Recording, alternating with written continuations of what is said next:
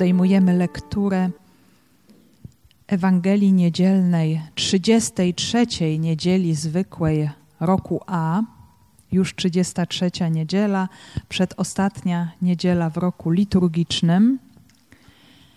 Jest to Ewangelia według świętego Mateusza, rozdział 25, wersety od 14 do 30. Zanim podejmiemy naszą wspólną lekturę, nasze wyjaśnianie, poprośmy o dar słuchania, o dar uważności, o odkrywanie w Słowie Bożym naszej sytuacji, pouczenia, które jest dla mojego życia dzisiaj. Niech to Słowo będzie również dla nas takim światłem, które pozwoli nam poznać, w jaki sposób również Bóg działa w naszym życiu, naszej historii. I aby słuchać z uważnością, z otwartością serca, oddajemy Ci, Panie, to, co jest dzisiaj w nas, to, co jest doświadczeniem naszego dnia, naszego trudu, zmęczenia, pracy, może różnych cierpień, może radości z tym pragnieniem, aby spotkać się z Tobą, bo to spotkanie z Tobą wypełnia nasze serca najbardziej, zapełnia naszą wewnętrzną pustkę, nasz głód miłości, głód prawdy. Prosimy Cię, Panie Jezu, zmartwychwstały, obecny pośród nas, udzielaj nam Twego Ducha Świętego Przyjdź o Duchu Święty, przyjdź mocy Boga i słodyczy Boga. Przyjdź Ty, który jesteś poruszeniem i spokojem zarazem. Odnów nasze męstwo, wypełnij naszą samotność pośród świata. Stwórz w nas zażyłość z Bogiem. Przyjdź Duchu z przebitego boku Chrystusa na krzyżu przyjdź z ust zmartwychwstałego. Z Ewangelii według świętego Mateusza. Podobnie jest też jak z pewnym człowiekiem, który mając się udać w podróż, przywołał swoje sługi i przekazał im swój majątek. Jednemu dał pięć talentów, drugiemu dwa, trzeciemu jeden, każdemu według jego zdolności i odjechał. Zaraz ten, który otrzymał pięć talentów, poszedł, puścił je w obrót i zyskał drugie pięć. Tak samo i ten, który dwa otrzymał, on również zyskał drugie dwa. Ten zaś, który otrzymał jeden, poszedł i rozkopawszy ziemię, ukrył pieniądze swego pana. Po dłuższym czasie powrócił pan owych sług i zaczął rozliczać się z nimi. Wówczas przyszedł ten, który otrzymał pięć talentów. Przyniósł drugie pięć i rzekł: Panie, przekazałeś mi pięć talentów, oto drugie pięć talentów zyskałem. Rzekł mu pan: Dobrze, sługo dobry i wierny. Byłeś wierny w rzeczach niewielu, nad wieloma cię postawię. Wejdź do radości twego pana. Przyszedł również i ten, który otrzymał dwa talenty, mówiąc: Panie, Przekazałeś mi dwa talenty, oto drugie dwa talenty zyskałem. Rzekł mu Pan. Dobrze, sługo dobry i wierny.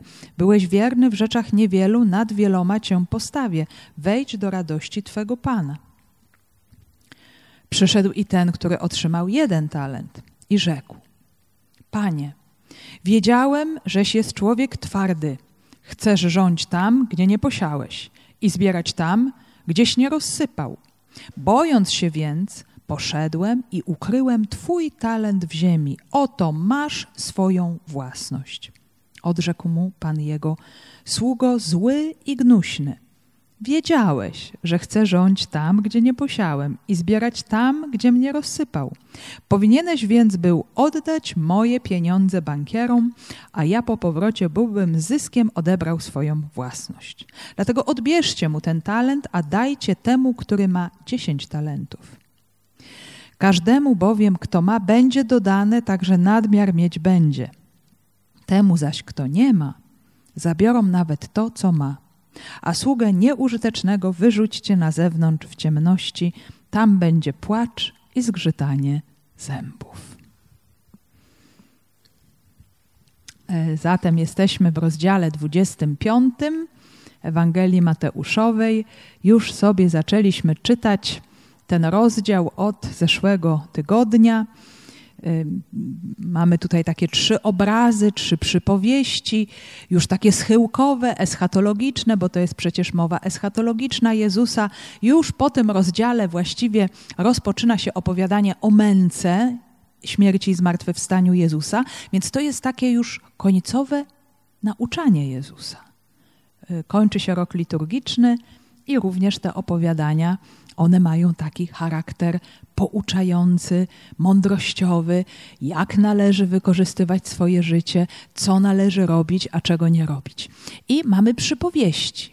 I oczywiście wiemy też, że przypowieści nie interpretujemy dosłownie, ani nie odnosimy ich tak bezpośrednio do rzeczywistości duchowych, nie utożsamiamy w stu procentach bohaterów, ale znajdujemy rzeczywistość, możliwość porównania jakiejś rzeczywistości ludzkiej, przyziemnej, zresztą bardzo intrygującej, bo zwróćmy uwagę, że Mateusz będzie nam tutaj mówił o pieniądzach, o dobrach.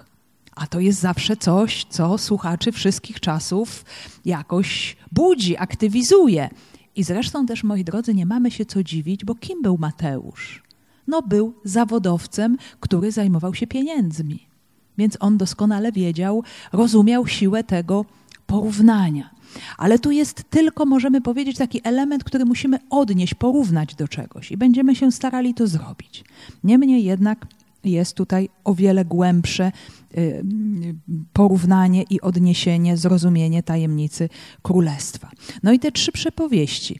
Y, pierwsza przypowieść o pannach, ona pokazuje nam bardzo ważną prawdę, że w nasze życie jest oczekiwaniem. Że to, co jest tu i teraz, nie jest naszym ostatecznym celem, ale że my wykraczamy poza to, co doczesne. Y, I potrzebujemy to oczekiwanie umocnić. Umocnić tą mocą, która jest spoza nas, y, żeby lampa płonęła, żeby był w nas ogień. Potrzebujemy Ducha Świętego, potrzebujemy miłości Boga. Wtedy będziemy płonąć, wtedy ten ogień jest w nas możliwy. Y, też kiedy mała wioska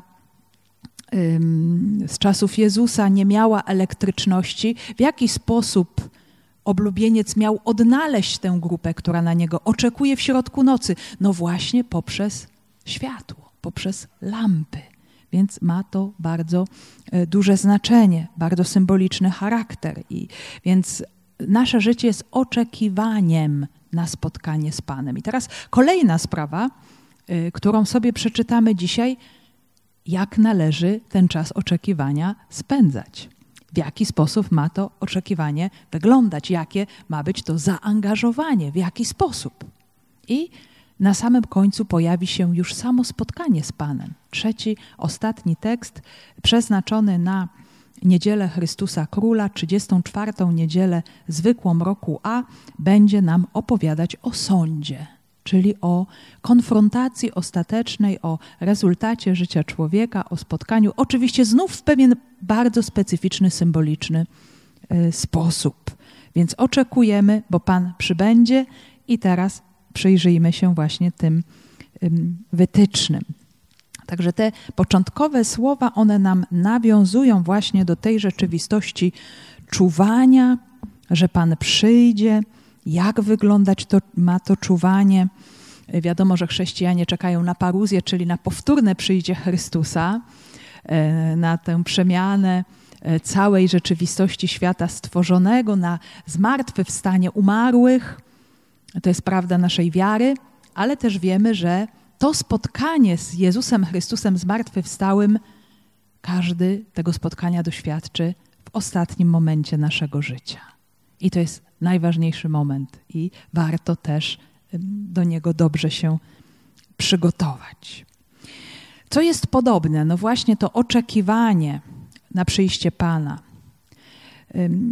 Też jest jak z pewnym człowiekiem, który mając się udać w podróż, przywołał swoje sługi i przekazał im swój majątek. Jednemu dał pięć talentów, drugiemu dwa, trzeciemu jeden, każdemu według jego zdolności i odjechał. Także mamy tutaj opowiadanie o człowieku niezmiernie bogatym, nieprawdopodobnie bogatym, który udaje się w podróż. To też była rzeczywistość częsta e, w tamtych czasach, e, gdzie e, ludzie ekstremalnie bogaci mieszkali w ogóle gdzieś indziej, mieli ogromne majątki, mieli swoich zarządców, którzy tymi majątkami zarządzali, obracali, a ci ludzie sobie przeżywali to swoje życie tak, jak im się podobało. Więc była to rzeczywistość jak najbardziej rozpowszechniona wśród bogaczy ówczesnego świata i myślę, że dzisiaj też nie jest inaczej. Więc e, sumy są ogromne, bo talent e, to nie oznacza w przełożeniu, tak jak w języku polskim, jakiegoś talentu, czyli uzdolnienia, tylko talent zasadniczo to jest ciężar jakiegoś drogocennego metalu. Przeważnie złota, a czasami srebra, ale najczęściej złota. To jest po prostu ciężar. I tutaj zróżnicowanie obdarowania zależy od uzdolnień, możliwości każdego z tych trzech sług, bo Pan te sługi bardzo dobrze zna.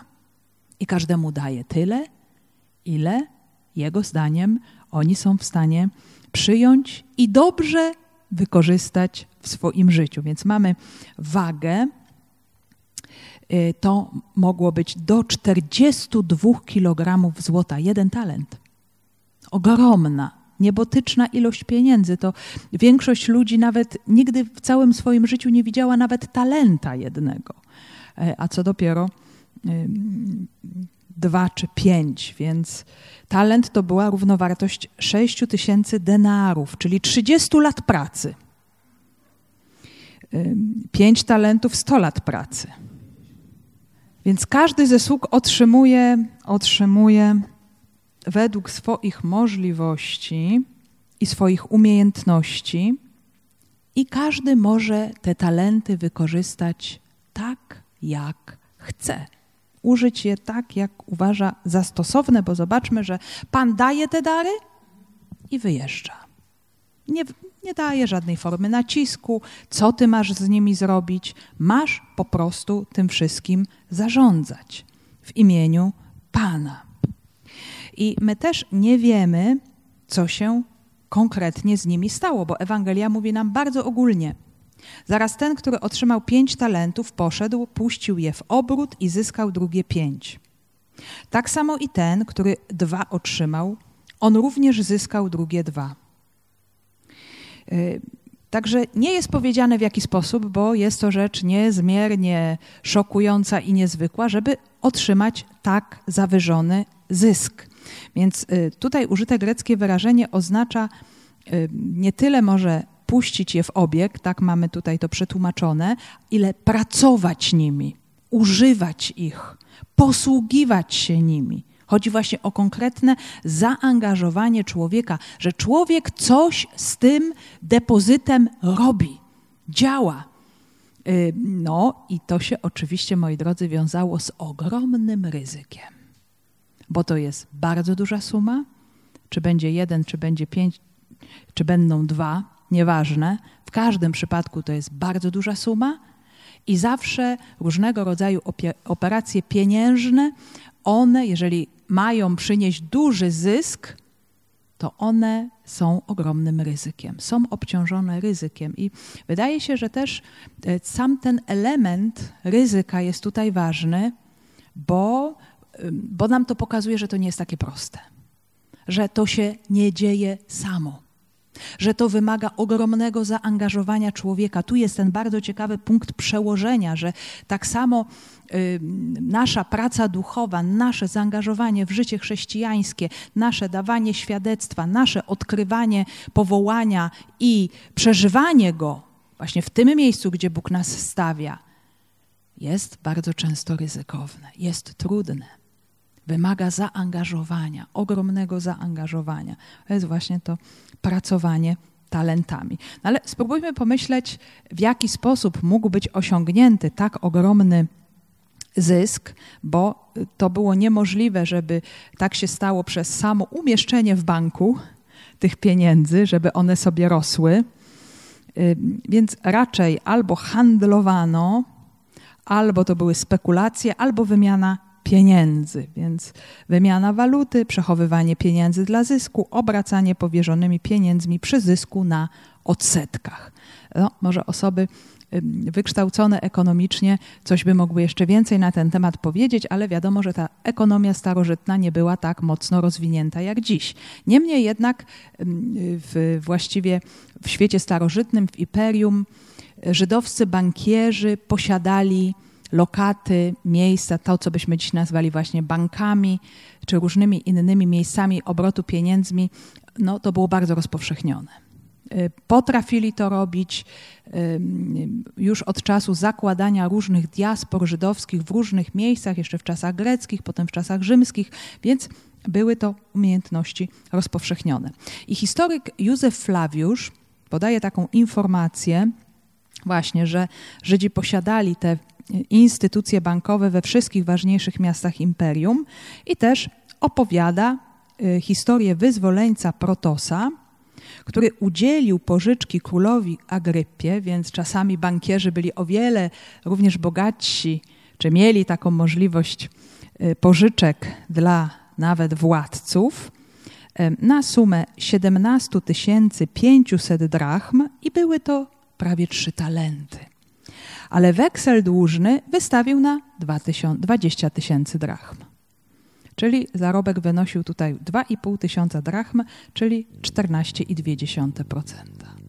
Trochę jest, ale to jeszcze nie jest to, co opisuje nam, co opowiada nam przypowieść. Oczywiście może przypowieść celowo pewne rzeczy wyolbrzymia, to jest taka swoista hiperbola, mówienie z pewną przesadnią, żeby potem też umieć to zastosować do spraw duchowych, bo przecież wiadomo, że nie chodzi nam tutaj o kwestie ekonomiczne i o pieniądze.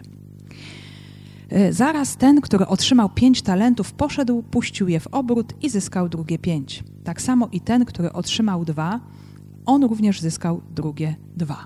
I dwaj pierwsi słudzy okazują swojemu panu posłuszeństwo, i gorliwie współpracują właśnie z tym otrzymanym darem.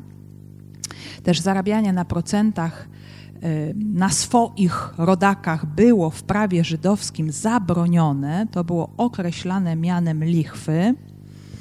Y, więc czytamy tak w Księdze Powtórzonego Prawa 23, 20 do 21. Nie będziesz żądał od brata swego odsetek z pieniędzy, z żywności, ani odsetek z czegokolwiek, co się pożycza na procent. Od obcego możesz się domagać, ale od brata nie będziesz żądał odsetek, aby ci Pan Bóg Twój błogosławił we wszystkim, do czego rękę przyłożysz w ziemi, którą idziesz posiąść. No oczywiście też nie wiemy, jak to było praktykowane, a y, nauczanie proroków, właśnie wypominające lichwę wobec ubogich, no pokazuje, że no, różnego rodzaju takie sytuacje mogły się zdarzać, że również ludzie nieprawi, niesprawiedliwi próbowali się również bogacić na, mm, na swoich.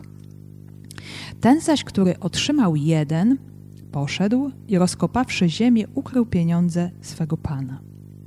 Trzeci sługa zachował się inaczej.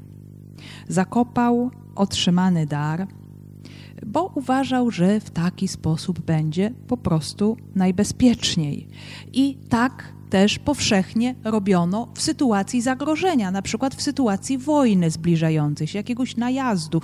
Po prostu to, co jest najcenniejsze, ukrywano, żeby nie zostało to zniszczone. No tu możemy chociażby zwoje kumrańskie sobie przypomnieć, uważane za największy skarb wspólnoty Eseńczyków na pustyni judzkiej i oni je właśnie skrzętnie ukrywają tak, żeby nie zostały zniszczone, bo przecież wiedzą, że, że jest wojna z Rzymianami, że to wszystko może być zniszczone, a to jest dla nich prawdziwy skarb, właśnie Słowo Boże. Więc y, y, ukrywano liczne skarby, zakopywano chociażby pod klepiskiem. W wielu domach nie było podłogi, więc wykopywano głęboki dół, zakopywano, ukrywano. Potem oczywiście różne y, przebudowy, czy nawet późniejsze badania archeologiczne też mogły właśnie wykazać, odkryć różnego rodzaju cenne przedmioty, które były zakopywane z obawy, z lęku właśnie przed jakimś zagrożeniem i przed wojną. Więc tak też było chociażby w obliczu wojny żydowskiej, najazdu rzymskiego na Jerozolimę. Też mieszkańcy Jerozolimy zakopywali swoje dobra. Ale tutaj mamy coś więcej.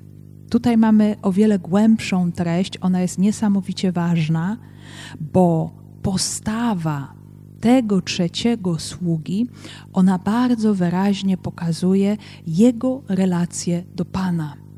Czyli, że on nie przyjął tak naprawdę tego daru jako coś swojego. Te, ten talent był czymś obcym, był jakąś kulą u nogi dla niego on się strasznie po prostu bał. Bał się ryzyka, e, bał się podjąć wysiłku, co potem też e, objawi się w słowach Pana, gdy nazwie rzecz po imieniu. E, ale przede wszystkim on tego daru nie przyjął za swój. I dlatego go po prostu zakopał. Takie zachowanie pełne asekuracji. Nic nie zyskam, ale również nic nie stracę. Czyli będzie wszystko na czysto bo trzeba to powiedzieć, że ci, którzy obracali, pracowali tymi talentami, oni ryzykowali. To się wiąże z ogromnym stresem. Oni mogli stracić. To nie jest powiedziane, że, że zawsze musieli zyskać. To nie jest takie oczywiste. Więc musieli podjąć pewne wyzwanie, ryzyko. I też od razu widzimy, że oni musieli w jakiś sposób ufać swemu Panu. Że oni y, też z ogromną otwartością przyjęli no, to zaproszenie, to wezwanie y, dane im przez Pana, y, no, że zechcieli podjąć tę współpracę, więc to jest też niesamowicie ważne. To ich działanie i tych pierwszych dwóch, i tego trzeciego mówi nam bardzo dużo o ich relacji do Pana. I tak naprawdę, moi drodzy, no właśnie, ten talent, czy te talenty, czy to obdarowanie, to jest to wszystko, co mamy od Boga. Przede wszystkim my sami, przede wszystkim nasze życie. I zawsze to będzie się wiązać z pytaniem, jak ja przyjmuję to, co mi Bóg daje, jak ja przyjmuję siebie, moje życie, to, co ma być rozwijane, co oczywiście wiąże się zawsze z ryzykiem, bo może mi nie wyjść, może mi się nie udać, ale jeżeli nie spróbuję, no to właśnie będę tak jak ten, który zakopuje talent. Po dłuższym czasie powrócił pan owych sług i zaczął rozliczać się z nimi. Więc przychodzi ten moment weryfikacji. Mm, to o tym już mówi przypowieść o pannach, kiedy o północy pan młody przychodzi. I tutaj też po dłuższym czasie pan powraca. I to jest oczywiście nawiązanie do powtórnego przyjścia Chrystusa do paruzji, gdzie każdy no, przychodzi, staje przed Bogiem, czy też w momencie swojej śmierci staje przed Bogiem właśnie z jakimś owocem swojego życia. Zawsze będzie ten moment, że my po prostu staniemy z jakimś owocem wobec Boga. I mamy taki, taki swoisty schemat w całej tej rzeczywistości, mm, a mianowicie sługa przedstawia swoje sprawozdanie, zostaje oceniony ze strony Pana, no i mamy jakiś tutaj też werdykt, taki, taki swoisty schemat y, używany oczywiście w, ty, w, tych relacjach świata starożytnego pomiędzy Panem i sługą. Oczywiście też musimy tutaj zrozumieć tę konwencję, taką dosyć schematyczną, w której to się wszystko odbywa. Wówczas przyszedł ten, który otrzymał pięć talentów. Przyniósł drugie pięć i rzekł: Panie, Przekazałeś mi pięć talentów. Oto drugie pięć talentów zyskałem. Rzekł mu Pan: Dobrze, sługo dobry i wierny. Byłeś wierny w rzeczach niewielu, nad wieloma cię postawię. Wejdź do radości Twego Pana. Y, także i ten sługa, i ten drugi, którzy otrzymali po pięć i po dwa, także traktują ten kapitał tak, jak Pan polecił, zgodnie z Jego wolą, zgodnie z Jego intencją. Y, I pokazują to, co zyskali. Y, właśnie ten efekt pracowitości, zaradności, ale też przede wszystkim ogromnej odwagi że oni właśnie się tego podjęli, że y, nie przeraziła ich suma, ogromna, zawrotna suma, wartość, jaką otrzymali. Więc przynoszą z radością Panu tenże efekt. Także y, to, co ich charakteryzuje, to takie działanie bardzo zdecydowane. Y, też ewangelista tutaj jeszcze to dookreśla, mówi, że oni natychmiast się wzięli do obracania tymi pieniędzmi, że oni się nie ociągali, że oni się nie wahali, e, że byli to ludzie po prostu zdecydowani, bardzo konkretnie podchodzący do życia. E, my też mamy różne inne przypowieści w Ewangeliach, które na przykład pokazują, że kiedy Pan wyjeżdża i nie ma oka Pana nad domem, to co? no to słudzy sobie robią to, co się im podoba. I czasami nie robią tego, co powinni, a, a też mogą robić i różne złe rzeczy. Czyli zupełnie sprzeciwiać się woli Pana, robić coś po swojemu, albo co gorsza, mogą uważać siebie za panów, za właścicieli. Nie? Tutaj mamy akurat bardzo y, właściwy obraz, że bez obecności Pana, bez Jego oka, Właśnie, bo to może być też tak, że w dzisiejszym świecie człowiekowi może się wydawać, że Bóg jest daleko, że On jest gdzieś poza tymi wszystkimi sprawami, które wydaje się, że się toczą. Niektórzy ludzie mówią, tak jakby Boga nie było. Tyle zła, tyle cierpienia, tyle trudu. Tak jakby właśnie ten Pan był w bardzo dalekich krainach. I to czasami sprzyja temu, że ludzie postępują w bardzo różny sposób, ale, ale zobaczmy, że jest to też zamierzone przez Pana, że Pan daje człowiekowi wolność, że żaden z nas nie otrzymuje y, obdarowania swojego życia, y, tego wszystkiego, co Pan nam daje, no, z jakimś przymusem, na jakimś łańcuchu, w jaki sposób ja mam to zrobić, że ktoś mnie kontroluje, że ktoś mnie sprawdza. W takiej sytuacji człowiek się nie rozwija, jest niewolnikiem. Nasz Bóg nie chce mieć niewolników. Chce mieć osoby, które będą pragnęły się rozwijać dla Jego chwały. Bez względu na to, czy ktoś patrzy, czy ktoś nie patrzy, czy ktoś widzi, czy ktoś nie widzi. Ja to robię ochoczo, natychmiast. Idę i puszczam w ruch. Niech się to wszystko pomnaża, niech to rośnie. Więc właśnie e, tak to się dzieje w przypadku pierwszego sługi i również w przypadku drugiego. Przyszedł również i ten, który otrzymał dwa talenty, mówiąc: Panie, przekazałeś mi dwa talenty, oto drugie dwa talenty zyskałem. Rzekł mu Pan: Dobrze, sługo, dobry i wierny, byłeś wierny w rzeczach niewielu, nad wieloma cię postawię. Wejdź do radości Twego Pana. Czyli jest podobnie, jest podobny tutaj układ też jest pomysłowość. Zobaczmy, nie ma też między nimi, to jest bardzo znaczące, porównywania się. Ten ma pięć, a ja nie mam pięciu. No dobrze, nie masz pięciu, ale masz dwa. I możesz naprawdę tymi dwoma zrobić niesamowite rzeczy. Możesz je wspaniale pomnożyć, możesz nimi obracać. Więc każdy tutaj, to jest niesamowicie piękne, z tych dwóch koncentruje się maksymalnie na tym, żeby jak najlepiej y, wypełnić wolę Pana, czyli y, wziąć się w garść i po prostu zacząć z odwagą obracać tym, co otrzymali. Y, w takiej też pomysłowości. Oni są rzutcy, zdecydowani, wierni, więc to są takie cechy tych pozytywnych bohaterów przypowieści. Ale też właśnie ta wielka suma nie przewróciła im w głowie. Nie wzbudziła w nich przekonania, że teraz my jesteśmy panami. Mm, że, że w takim razie, jak mam taką ilość talentów, to ja już mogę nie być sługą. Ja już sam mogę być panem i mogę to sobie obracać na swoje konto. Więc nie ulegli takiej pokusie.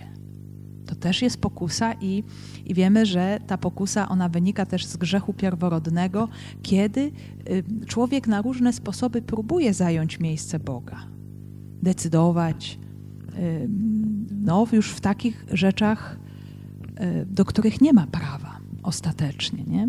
Do, co przynależy też samemu Bogu.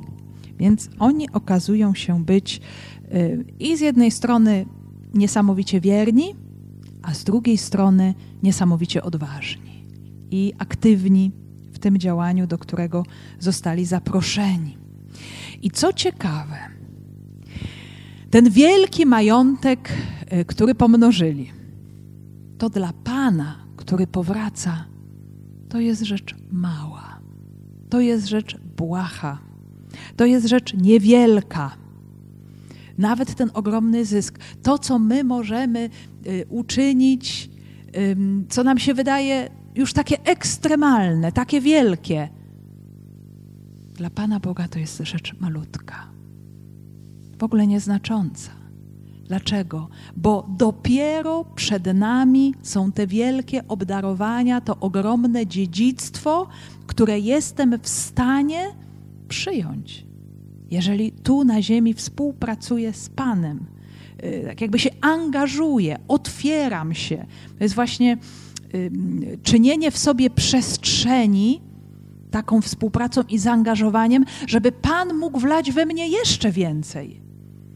Przestrzeń tych darów o wiele ważniejszych, tych prawdziwych, tych duchowych.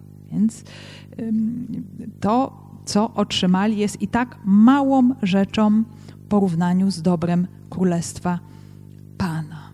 Nie? Więc nie chodzi o to, ile, nie chodzi o to, w jaki sposób, y, jak duże będzie to pomnożenie, ale chodzi o to, żeby współpracować i żeby pomnażać i żeby wszystko to, co mamy pod ręką, w bardzo różnych płaszczyznach, służyło wypełnieniu woli Pana. A co jest wolą Pana? Pozyskujcie sobie przyjaciół niegodziwą mamoną, aby gdy wszystko się skończy, przyjęto was do wiecznych przybytków. I tutaj mamy przeciwstawienie e, dwóch rzeczywistości. To Ewangelia Łukasza, akurat 16:9. Łukasz dużo mówi o tej mamonie, e, czyli dobra doczesne, też dosłownie pieniądze, Mm, I co to znaczy posługujcie się, zdobywajcie sobie przyjaciół niegodziwą mamoną? To znaczy wykorzystujcie wszystkie dobra materialne, jakie są, wszystko to, co macie pod ręką, aby czynić dobro. To znaczy, żeby one też się nie stały, uwaga, waszym celem. Mamona, dlaczego jest niegodziwa? Bo bardzo często powoduje coś takiego, że staje się bożkiem, Zresztą e, to słowo aramejskie mamona pochodzi od słowa maamon. To odnosiło się do mm, kananejskiego czy później fenickiego bożka, któremu się poganie kłaniali. Więc o to tutaj chodzi, żeby wszystkie dobra ostatecznie były narzędziem do celu, czyli do Boga, czyli do miłości, czyli do czynienia dobra, a nie celem to jest wtedy dramat. Więc należy się posługiwać wszystkim, a nie koncentrować na tym. Posługiwać, pomnażać, działać, aby to wszystko służyło dobru, również w tym wymiarze życia wiecznego. Znaczy, to dobro, które uczynimy na tej ziemi, to jest właśnie rzecz, którą z tego świata wyniesiemy do życia wiecznego.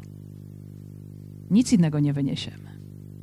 Żadnych dóbr materialnych nie wyniesiemy. To jest y, moment naszej śmierci, to jest koniec. Możemy tutaj zgromadzić nie wiadomo ile w tym wymiarze materialnym i zostawiamy to.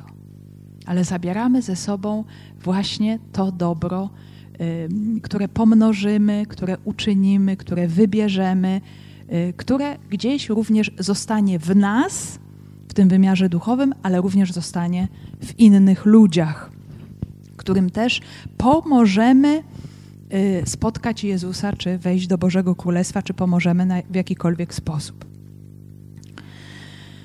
Przyszedł i ten, który otrzymał jeden talent i rzekł: Panie, wiedziałem, żeś jest człowiek twardy. Chcesz rządź tam, gdzie nie posia posiałeś i zbierać tam, gdzieś nie rozsypał. Bojąc się więc, poszedłem i ukryłem twój talent w ziemi. Oto masz swoją własność. No i mamy trzeciego sługę.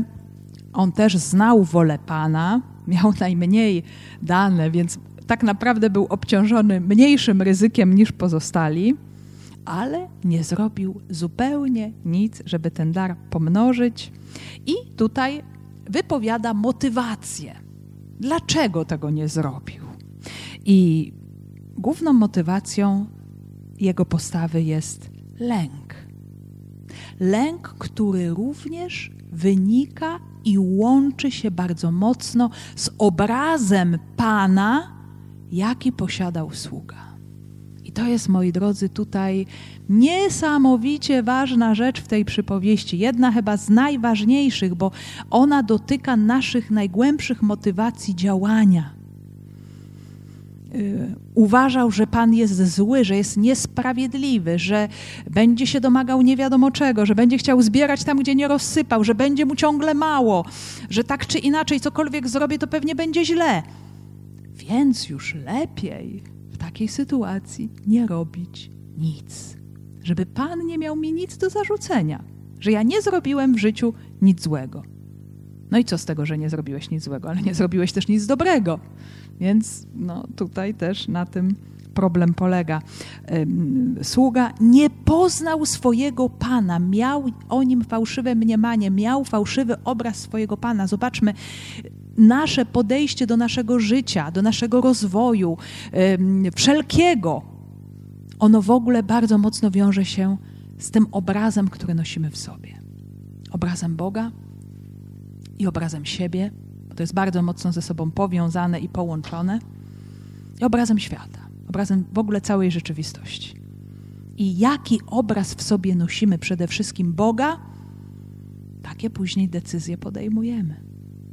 Jeżeli mój Bóg jest Bogiem miłości, dobroci i ja mu ufam, jest mi łatwiej zaryzykować, bo się powierzam w Jego ręce. Jeżeli Bóg, którego obraz noszę w sobie, jest surowy, niesprawiedliwy, to moje działanie będzie przeniknięte lękiem. Nie, nie będę chętnie podejmować różnego rodzaju wyzwań. I co jest też ważne, że ten sługa tutaj cały czas podkreśla: weź sobie ten swój talent, to jest Twoja własność. On w ogóle tego daru nie przyjął. On w ogóle tego daru nie uczynił swoim. Zobaczmy, to jest niesamowicie ważne, aby, abyśmy potrafili, uczyli się również przyjmować nasze życie, nas samych. Bo inaczej będziemy się źle czuli nawet sami sobą, nie będziemy wiedzieli, jak, jak tym wszystkim, kim jesteśmy, obracać dla Bożego Królestwa według woli Boga. I można właśnie się zamknąć w tym rozwoju, zatrzymać. Nie? To jest właśnie niesamowicie ważne. Twój talent, Twoja własność, to nie jest moje. To, co mi dałeś, ja tego nie przyjmuję, ja tego nie uznaję. Hmm? Obraz Boga. Obraz Boga, jaki noszę w sobie. To wszystko, w jaki sposób żyję, w jaki sposób działam, w jaki sposób też przeżywam moje trudności, czy szukam jakiegoś konstruktywnego rozwoju, jakiegoś wyjścia z różnych sytuacji, nie? To, to mi pokazuje, właśnie, to mi pozwala zrozumieć, co się składa na mój obraz Boga. Może jakieś moje trudne, bolesne doświadczenia może moja historia, może to, co mnie dotyka dzisiaj. Dlatego właśnie potrzebujemy Bożego Słowa, bo ono nam ten obraz leczy. To jest właśnie moc działania Bożego Słowa. Ono nam jest niesamowicie właśnie do tego potrzebne. Odrzekł mu Pan jego, sługo zły i gnuśny. Wiedziałeś, że chcę rządzić tam, gdzie nie posiałem i zbierać tam, gdzie mnie rozsypał. Powinieneś był więc oddać moje pieniądze bankierom, a ja po powrocie byłym zyskiem odebrał swoją własność. Czy Pan jest taki? No nie jest taki. Jeżeli ktoś już poznał Jezusa i poznał Ojca, którego objawia Jezus, to widzi, że te słowa są nieprawdziwe.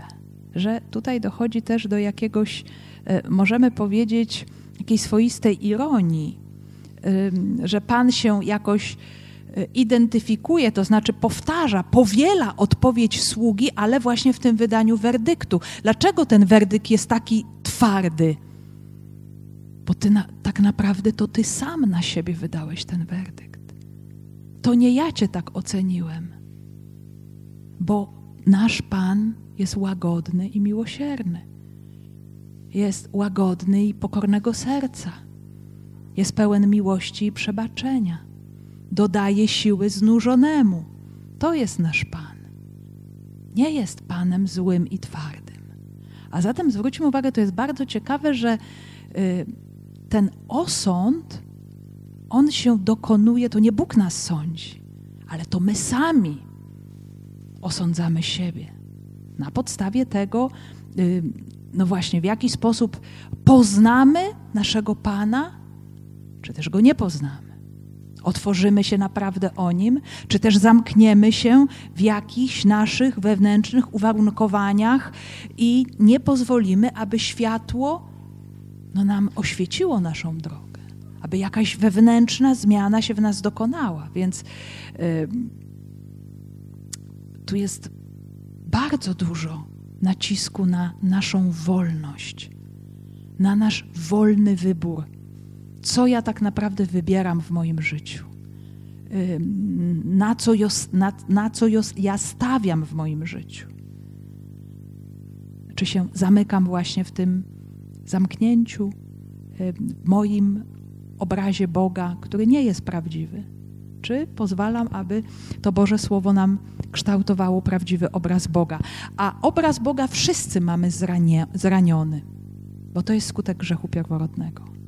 Od tego momentu, kiedy pierwsi rodzice ukrywają się przed Bogiem po grzechu, to jest oczywiście bardzo symboliczny obraz, ale pokazujący nam całkowicie naszą sytuację, to jest właśnie y, coś popsutego w człowieku, który od samego początku był nastawiony na Boga jak malutkie dziecko na swoją mamę i tatę, że to dziecko wodzi oczkami za rodzicem i wszędzie się wpatruje w tego rodzica i wszędzie go szuka i tęskni i prosi. O, to jest w jakimś sposób oddany właśnie ten obraz, y, to, to, to pierwotne, szczere oddanie, ta relacja pełnego zaufania, miłości, yy, która no, była pomiędzy Bogiem i człowiekiem. A potem jest lęk brak zaufania, poczucie, że ktoś mnie skrzywdzi, że mnie wykorzysta. Nie? I, I, każdy z nas to ma, bo wszyscy jesteśmy obciążeni mm, grzechem pierworodnym, ale Jezus Chrystus przynosi nam obraz Ojca. Bardzo, bardzo konkretnie. On nam dokładnie pokazuje, kim jest Ojciec. No i właśnie, też patrząc na samą przypowieść, my możemy zadać pytanie, o ile właśnie ta opinia tego trzeciego sługi o Panu jako człowieku twardym może być obiektywna. Hmm. Czy to jest słuszne? Hmm. Tutaj Pan powtarza te słowa, ale to jest właśnie obraz Pana, który wyłania się z tego sługi, który nie wynika z obiektywnego działania Pana. W jaki sposób działa Pan? Właśnie, trzeba umieć oddzielić to, co jest prawdą obiektywną, od jakichś własnych, osobistych emocji i odczuć. Pan darzy swoje sługi zaufaniem. I efektem tego zaufania są dary, które sługi otrzymują, ogromne kwoty. I po drugie, Pan y, jakoś traktuje te swoje sługi z ogromnym respektem, każdego w indywidualny sposób. Czyli nie wszystkich obciąża jednakowo, y, bo nie każdy jest w stanie wytrzymać tak samo i ponosić ryzyko równie duże jak drugi, ale jednak każdy bez wyjątku zostaje zaproszony do pomnażania daru. Nie ma zwolnienia, nie ma usprawiedliwienia. Życie jest wyzwaniem, życie jest zadaniem, które otrzymujemy. Nie? Tak samo nasze, nasza wewnętrzna przemiana, nasze życie chrześcijańskie to jest wszystko wyzwanie. My otrzymujemy właśnie te różne kwoty, te różne ciężary obdarowania, żeby potem to wszystko nam służyło na różne sposoby w naszym dojrzewaniu. Więc Pan nie jest nieracjonalny, okrutny, niesprawiedliwy i adekwatnie właśnie wobec możliwości sług Pan działa i w sposób bardzo indywidualny podchodzi do każdego. Więc ym, i też Pan jest tutaj nieprawdopodobnie hojny bo nagroda, którą otrzymują ci dwaj piersi, ona przekracza no, racjonalny porządek ówczesnego świata, porządek społeczny, bo dla takich sług było niewyobrażalne, żeby oni mogli ucztować razem z Panem. Co to znaczy ucztować z kimś? To znaczy być na równi. To oznaczało w, w świecie starożytnym. Y, sługa mógł co najwyżej służyć do stołu, Y, gdzieś tutaj być u podnóżka, y, patrzeć, jakie Pan będzie życzenia tutaj sobie wymieniał, żeby być gotowym na każde Jego zawołanie. Natomiast dla takiego sługi usiąść czy położyć się na sofie obok Pana i ucztować z Nim, to była rzecz niewyobrażalna, bo to było zrównanie.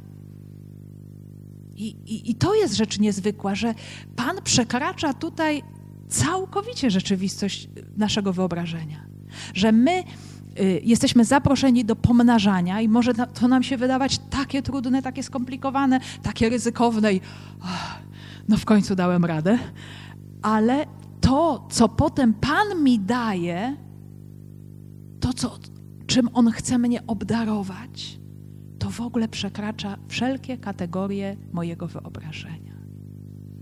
Że Bóg chce mnie zaprosić do uczestnictwa w swojej naturze boskości.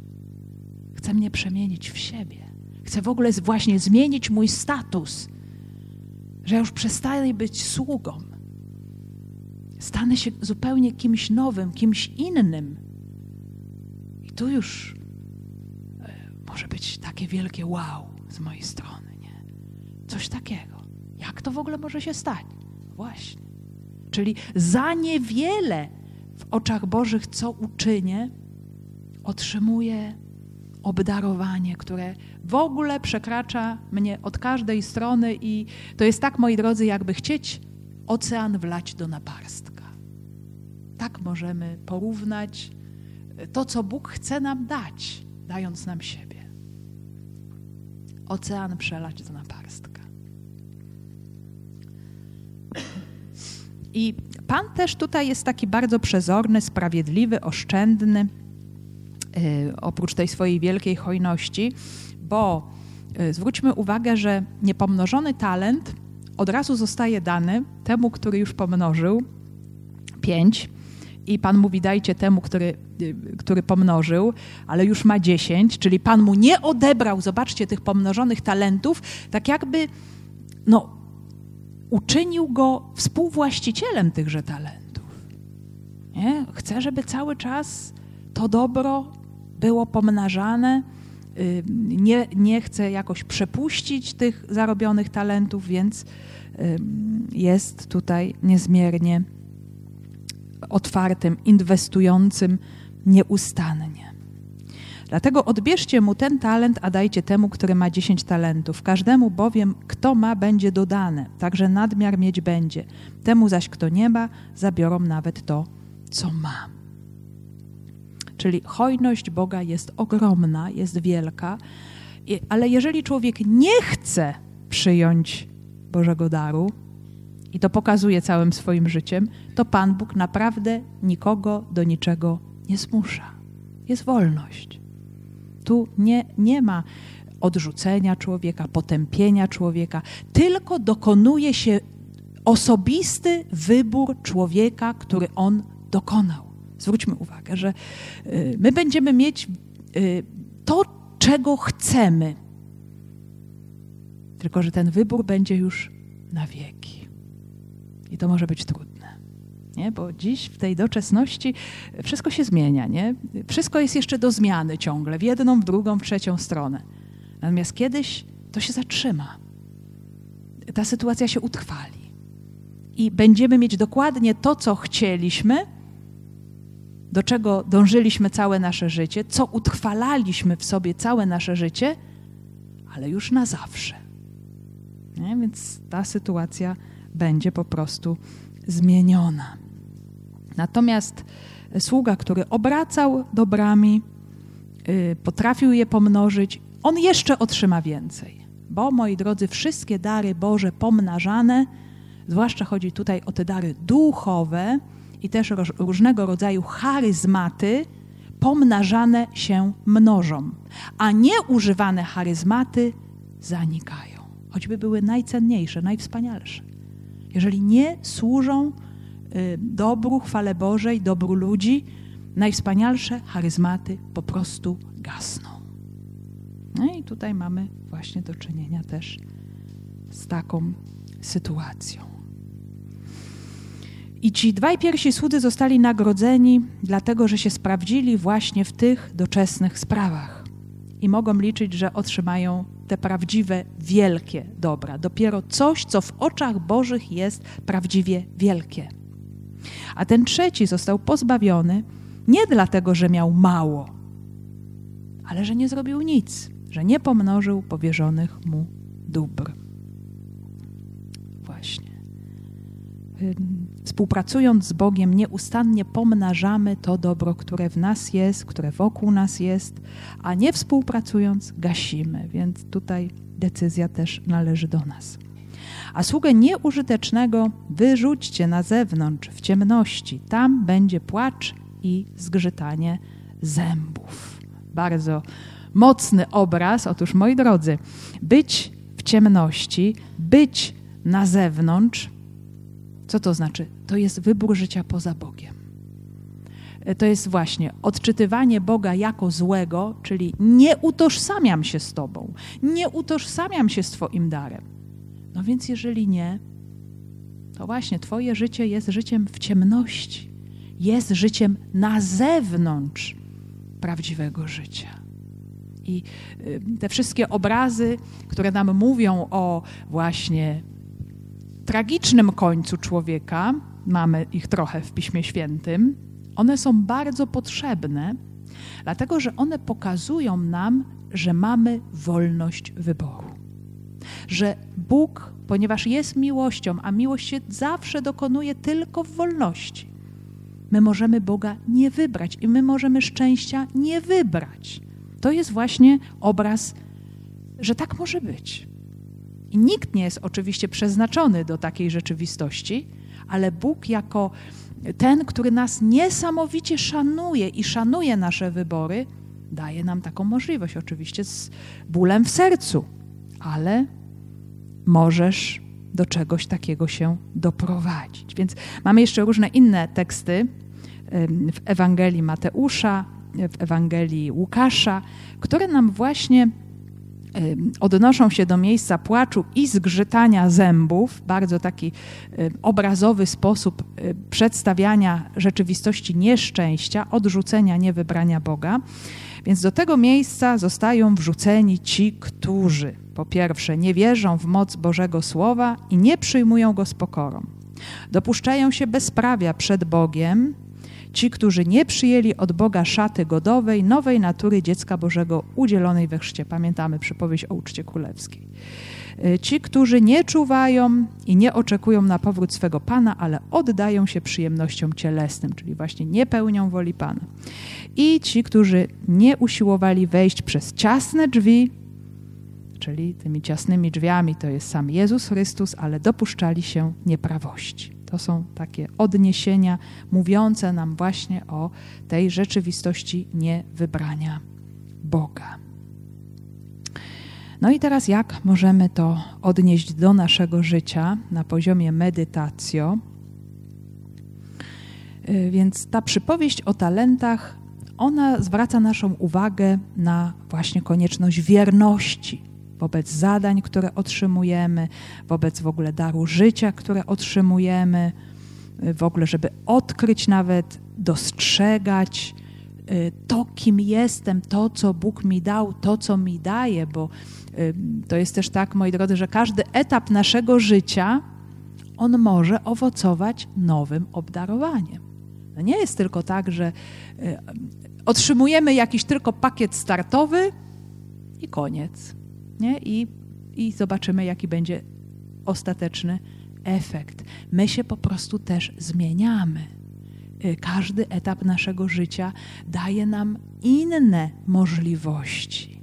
Tak jak ludzie młodzi na przykład na pewnym etapie swojego życia rozwijają się intelektualnie, zawodowo i, i tutaj mają wielkie możliwości ku temu. Potem podejmują się zrodzenia i wychowania potomstwa. I, I te rzeczywistości już w późniejszym wieku człowieka jakoś gasną. I, i ten niesamowity rozwój taki fizyczno-intelektualny, czy przekazywanie życia i co? I wtedy już później nie ma tego obdarowania. Nie, ono jest, ale się przemienia. Że człowiek może coraz intensywniej rozwijać się duchowo, ale również w zupełnie nowy sposób przeżywać swoją płodność.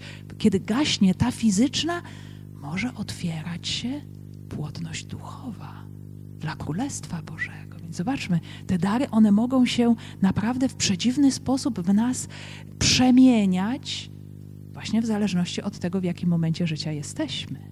I teraz chodzi o to, żeby odkryć, żeby odkrywać na każdym etapie mojego życia, kim jestem i w tym momencie, w co mnie Bóg wyposaża, aby jak najlepiej, jak najowocniej, z jak największą odwagą i ryzykiem to wszystko jakoś inwestować y, właśnie w dziele Bożego Królestwa. Więc to, to, jest, to jest już kwestia właśnie tego naszego osobistego rozeznania.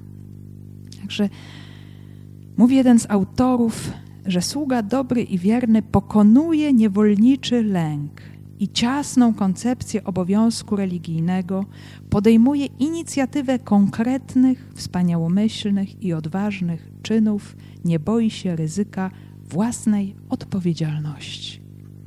To jest właśnie to wyzwanie, które może być realizowane na bardzo różne sposoby, na bardzo różnych płaszczyznach e, w naszym życiu. Właśnie przekraczanie naszego zamknięcia, naszego lęku, naszej niepewności i właśnie odkrywanie nie tylko tego, co w nas jest, ale również nawet pewnych sytuacji, w których żyjemy, jako swoistego wyzwania do czegoś. Hmm, takiego pozytywnego, że to, co może dziś widzę jako rzecz trudną, sługa ten trzeci widział wszystko jako rzecz niezmiernie trudną i obciążającą i najlepiej uciec przed tym, ja mogę w świetle Bożego Słowa odkryć to w nowy sposób. Że może ta trudna sytuacja, yy, taka czy nie inna, może ona być dla mnie szansą do czego nie? To wszystko zależy od tego, w jaki sposób ja popatrzę. Czy pozwolę sobie popatrzeć takiej Bożej optyce właśnie na tę sytuację, w której żyję, no, czy się będę właśnie ciągle obciążał pewnym napięciem, lękiem, zamknięciem właśnie w tym schemacie, który mnie jakoś obciąża i dotyka. Więc właśnie, czy czy potrafię rozpoznać te różne wymiary talentów w moim życiu, to co jest we mnie, to co jest wokół mnie, co może być mi dane albo do pomnożenia, albo też do właściwego przeżywania, bo to, że ja się też nauczę właściwie przeżywać pewne trudne dla mnie sytuacje, to też na mnie wpływa, to też mnie rozwija, a może też i rozwija innych. Więc czy się rozwijam, czy szukam tego rozwoju? No i kolejna bardzo ważna rzecz, o ile nie prawie najważniejsza w całej tej przypowieści, jaki jest mój obraz Boga dziś? Że pozwalam, żeby Słowo Boże kształtowało we mnie ten obraz prawdziwy, tego, który jest po mojej stronie, który we mnie wierzy, który y, patrzy na mnie z ogromną czułością, y, wierząc, że mogę y, doprowadzić do pełni to, co otrzymałam, to, co otrzymałem. A co jeszcze dziś budzi mój lęk, moją niepewność. Nie? To może zostać wszystko powierzone Panu, aby oświecone Jego słowem, umocnione Jego duchem, mogło stać się dla nas przestrzenią y, pięknego rozwijania naszego życia dla Królestwa Bożego.